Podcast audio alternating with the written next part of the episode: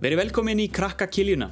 Að þessu sinni ætlum við að fjalla um bók sem heitir Is og Þis út af öllu. Hún er eftir Hjalta Halldórsson sem er hérna hjá okkur í dag. Velkomin. Takk fyrir. Og eins og venilega, þá erum við með bókaform. Það er hann Bjartur. Velkomin. Takk fyrir. Is og Þis út af öllu. Bjartur, Já, eigum við að byrja á orðum til að lýsinni. Ertu með einhver orð sem að Já. lýsa þessari, þessari bók? hún er fyndin, skemmtileg og spennandi. Spennandi. Já. Er þetta heilaga þræningin? Já. dómur bara. Þetta var frábært, frábært stimpil. Ég var til að geta sett svona limmiða framan á. Utan á kapuna. framan á. Takk fyrir það. Gaman að heyra. Hvað hérna söguþráðurinn? Hvað er að gerast þarna í, þetta eru krakkar í sjöndabökk? Já, Hvað, hvað gerist í þessari bók?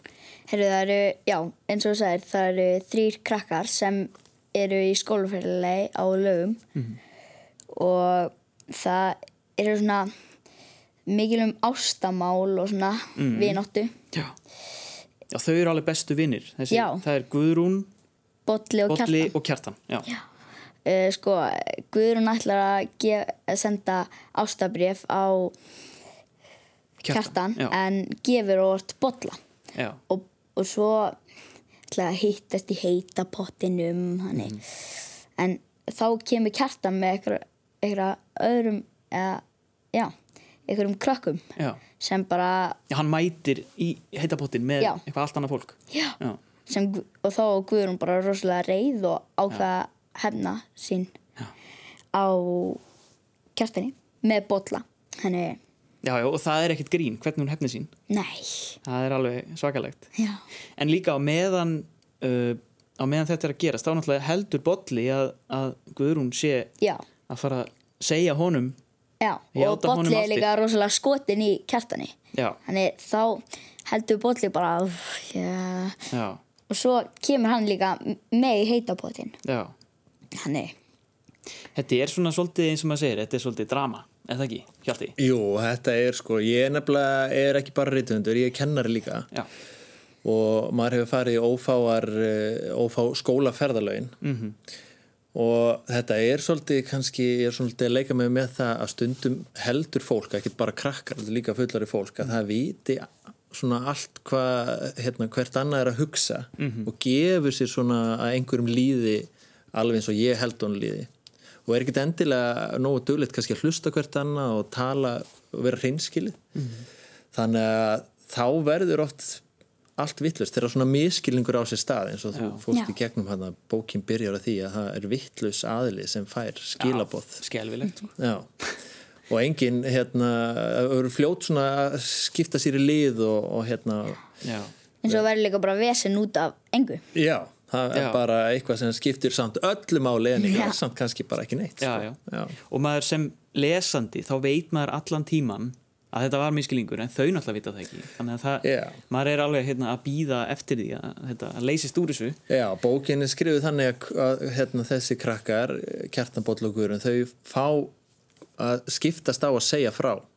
Skrifuð þess að út frá sjónurhundum þeirra þryggja. Þannig, að, þannig að þá vitum við það sem lesendur að, að, hérna, að hvað, að þau eru að hugsa en, en þau vita það náttúrulega ekki. Já, einmitt Hvernig fannst þið það að lesa svona hvert fyrir sig? Það var ég og þá var það stundum Guðrún og svo var það ég og þá var það Bolli Já, stundum var það smá rauglingslegt en svo bara skilum maður þetta. Já. Og þá, þá bara fannst maður mér að rosalega skemmtilegt bara. Já og fletti kannski bara tilbaka og myndi bara já það var Já. Bolli sem er að tala núna Já.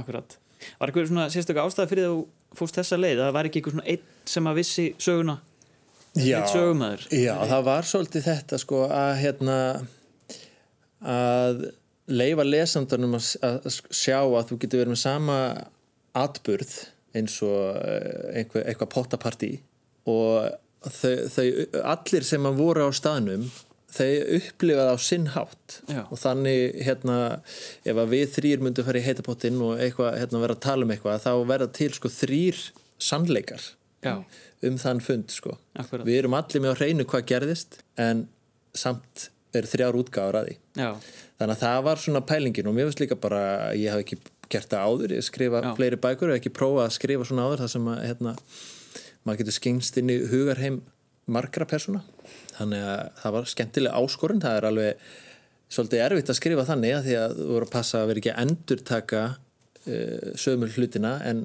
en svo kannski verður að gera það því að þú ætlar að lýsa mismunandi upplifum. Bjartur, hva, þú talaður um að hún væri fyndin. Hvað fannst þér finnast í henni? Hvað var... Sko, mér fannst það algjörlega að fyndi þegar hérna, þau ætla að rekja bolla. Þannig Ingeborg, Óli og svo kjartan. Þá setjaði sko trúða, eða trúðamynd í andlita á. Já. Og svo þegar hann vaknaði, þá bara öskra hann hann. Akkurat. Já, þetta er svolítið kvikindislegt svona þessi, þessi hemd. Já. Hvernig, hvernig leiðir með þetta? Alltaf að hefna sín á... Ég var, ég var bara svona, er ekki komið nóg? Að, veist, Já, þau eru greinlega svolítið hefningjörn, þessi, þessa personur allavega. Já. Þarna, já, akkurat. Svo eru náttúrulega fleiri personur. Þá voru, þá voru fólk á vegum skólans. Þá voru hann kennarar og já.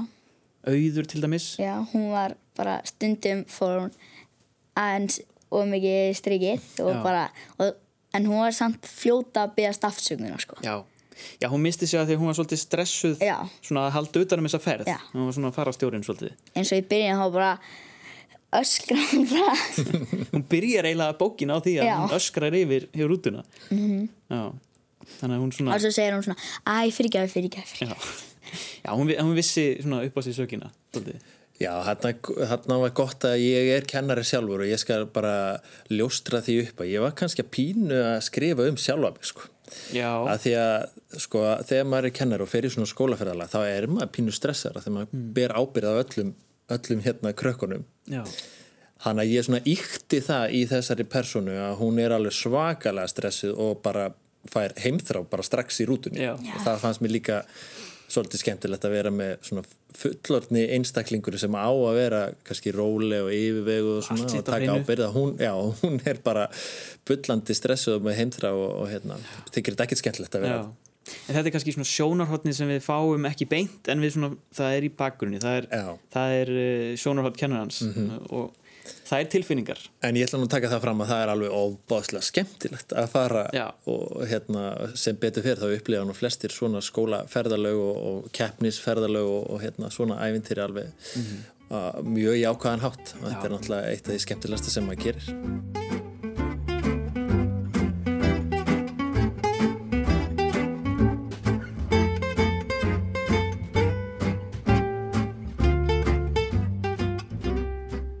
Bjartur, uh, ert þú með eitthvað spurningar um, um bókina sem þetta eftir í hug? Sem að hjálti geti mögulega að svara?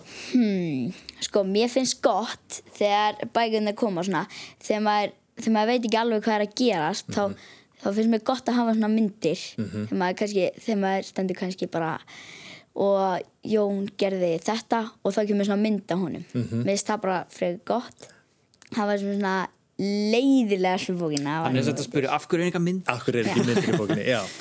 Já, það er hérna, það er nú bara margar hliðar á því uh, sko hvað lesendum finnst um myndir í bókum. Sumum nefnilega, eh, sumir er alveg sammála þér með það að þeir vilja fá myndir bæði til þess að svona, hérna, draga fram einhver svona aðalatriði og hjálpar til við að skilja sögutráðin eða að, að hérna, uh, kalla fram eitthvað sem að bara svona stiður við. Uh, og, og bara það, það er skemmtilegt að, að, hérna, að hafa myndir. En svo eru öðrum sem finnst svona, það er kannski trublandi þeir eru búin að sjá fyrir sér Já. hlutinu á ákveðin hátt og svo kemur myndin og bara já ok, hann lítur á svona út eða já ok, og ég hef búin að sjá þetta öðru fyrir mér. Þannig að þá getur það verið trublandi en ég hugsa fleiri séu sammála þér. Eitthvað fleira sem þú vilt vita? nei, ekki. Nei.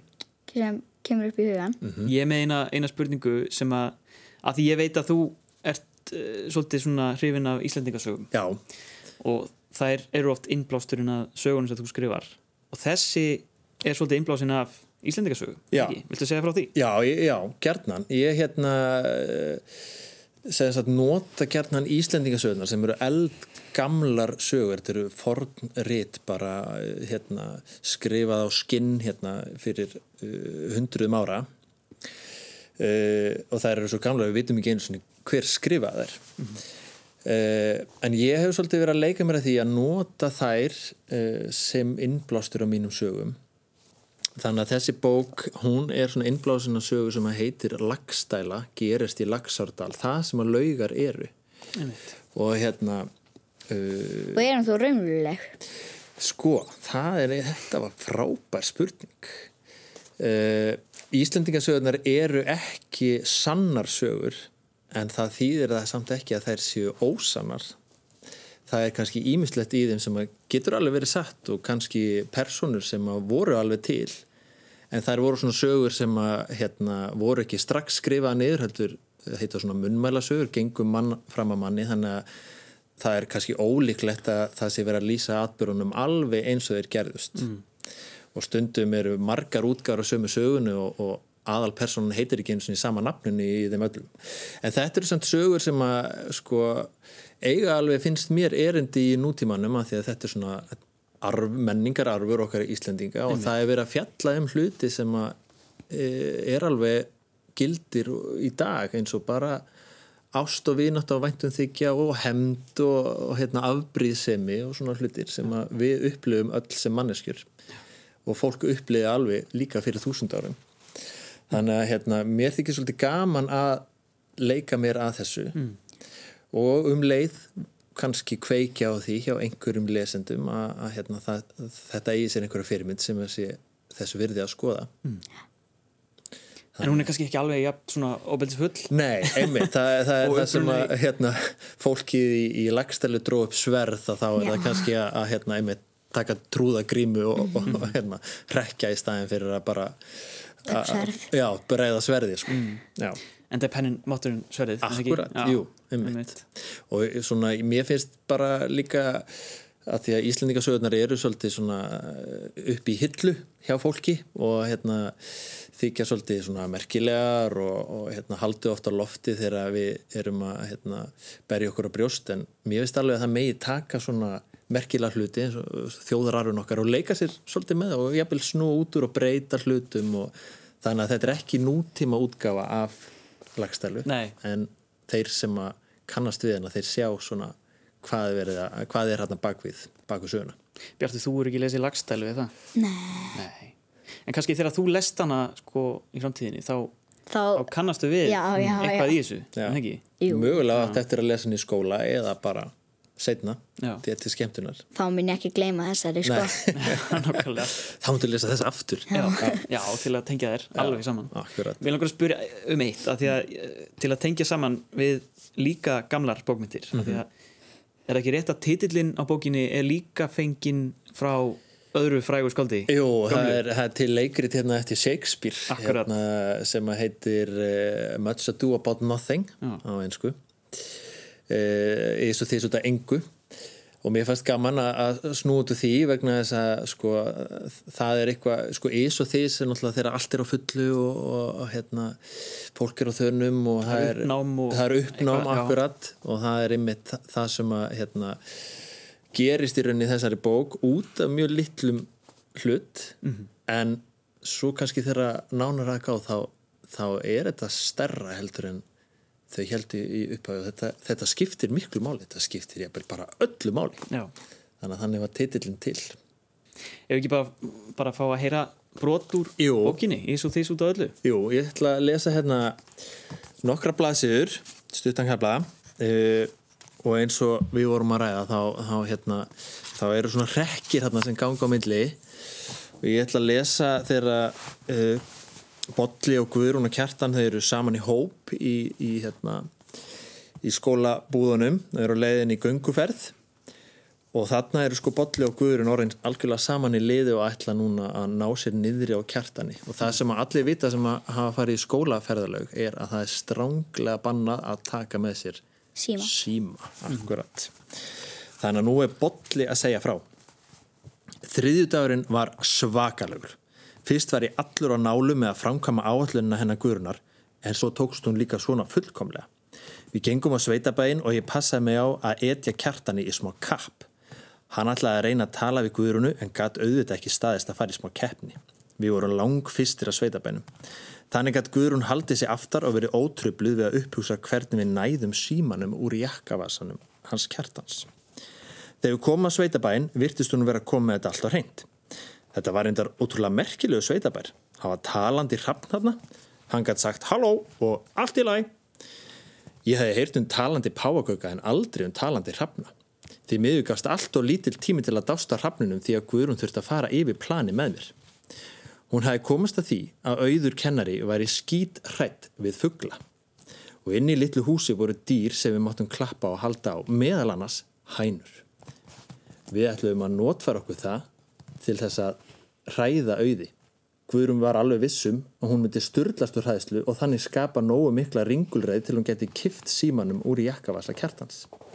Það var bara ekkit víst að þetta myndi klikka. Þegar við vorum öll komin inn í húsið, sagði Erla bónd okkur frá dýrónum. Hanna voru kaninur, geitur og jú vissulega hænur, en ekki bara hænur, heldur veglegur og bústinn hani líka. Ég fekk strax augast að hún. Sjáðu þennan kong, sagði við kjartan, höfum eitt smá stund inn í húsinu og hópurinn dreift úr sér. Hversu miklu viltu veðja að geti látið hann fljúa? Hanar get ekki flóið, sagði kjartan nexlaður. Hversu miklu viltu veðja? spurði ég aftur strínislega. Þrjúðuskalli, svaraði kjartan, krosslaði hendur og horfið tortrikinn á mig. Dill, sagði ég, og lættist að hananum þar sem hann lá í makindu sínum á golfinu umkringdur mjúku hegi. Út undan mér sá ég hvar Guðrún lættist aftan að kjartani. Auður var annars hugar að spjalla við erlu fullkomlega staðsett, ekki svo langt frá okkur. Ég tók hanan varlega upp. Svona kalli minn, kvíslaði að hannum. Hann virtist hinn rólegasti en yfði þó aðeins vangina þegar ég hagrætti honum í fanginu. Sér lættist ég með hann aftana auði og gætti mín að hafa hann alveg í augn hæð. Ég fór með hann eins nálagt höfðun á hann og ég þorði áður en ég ávarpa hann að blíðlega. Auður, sjáu hvað ég er með. Hvað er það vinnur? spurði hún og leið hún snýri sig við og leitt beint í augun á hananum sem var þá um það byrj 2 cm frá andlitin á hann. Auður fröys en bara í smá stund. Augnabliki síða var allt gjörsamlega brjálað. Auður öskrað öllum lífs og sálarkröftum. Haninn trilltist og baði út vangjónum að miljón. Öll hinn dýrin í húsinu rukki kút og spruttu upp. Þau byrjuði að hlaupa út á söður og meðan hinn í krakkarnir rópuðu upp við sig. Kjartani brá líka. Hann átti ekki alveg vona þessum viðbröðum sem var til þess að Guðrún að seilast í vasan á jakkanum hans og kifti símanum upp úr án þess að hann tæki eftir. Hins vegar var það ekkit úr því að hann myndi fljúa. Hann lippaðast bara niður á gólfið hinn rólegasti þegar auður hefði flúið öskrandi út þar sem hún saði okkur að það rullast til að skjóta hennar hana. Ég stökk á eftir henni baðan afsökunar og þóttist hafa gert þetta alveg óvart. Hún eitti því sem eftir var að heimsókninni að afsaka sig og tala svo um að þetta hennu aldrei gerst heima. Plani hefnaðist með öðrum orðum fullkomlega. Það tók Guðrún ekki langan tíma að ákveða hvað hann ætlaði að gera við síman þegar við komum tilbaka. Hún var alveg ótrúlega klókung Guðrún og hver vissi, kannski gætt draumur minn ræst ef ég held áfram að sanna mig svona fyrir henni. Kjartan grunaði í það minnsta ekki neitt. Mm. Mm. Eða hvað? Eða hvað? Ertu með fleiri Íslandikasögur svona í hausnum til að... Já, ég, get eh, ljóstra því upp að næsta bók sem kemur í haust, hún heitir Ofurhetjan og hún er innblásin af sögu sem heitir Gunnlaugsaga Ormstungu. Wow. Já, Ok. fjallar um mann sem að langar rosalega mikið að vera frægur, vera vikingur og skáld Mhm. og í bókinni er strákur sem að langar rosalega mikið til þess að vera frægur Já. en hann verður ekki vikingur Já, fyrir svolítið annað, akkurat Takk fyrir þetta Hjalti og ég held að við þurfum bara að slá botnin í þetta hjá okkur í dag en Bjartur, takk kjærlega fyrir að koma í þáttinn og, og lesa þessa bók Bara takk heldur fyrir mig. Þú heldur bara áfram að lesa og, og svo ferðu yfir í Íslendingasögurnar næst Já. ah. Takk fyrir mig Takk fyrir komina, verið sæl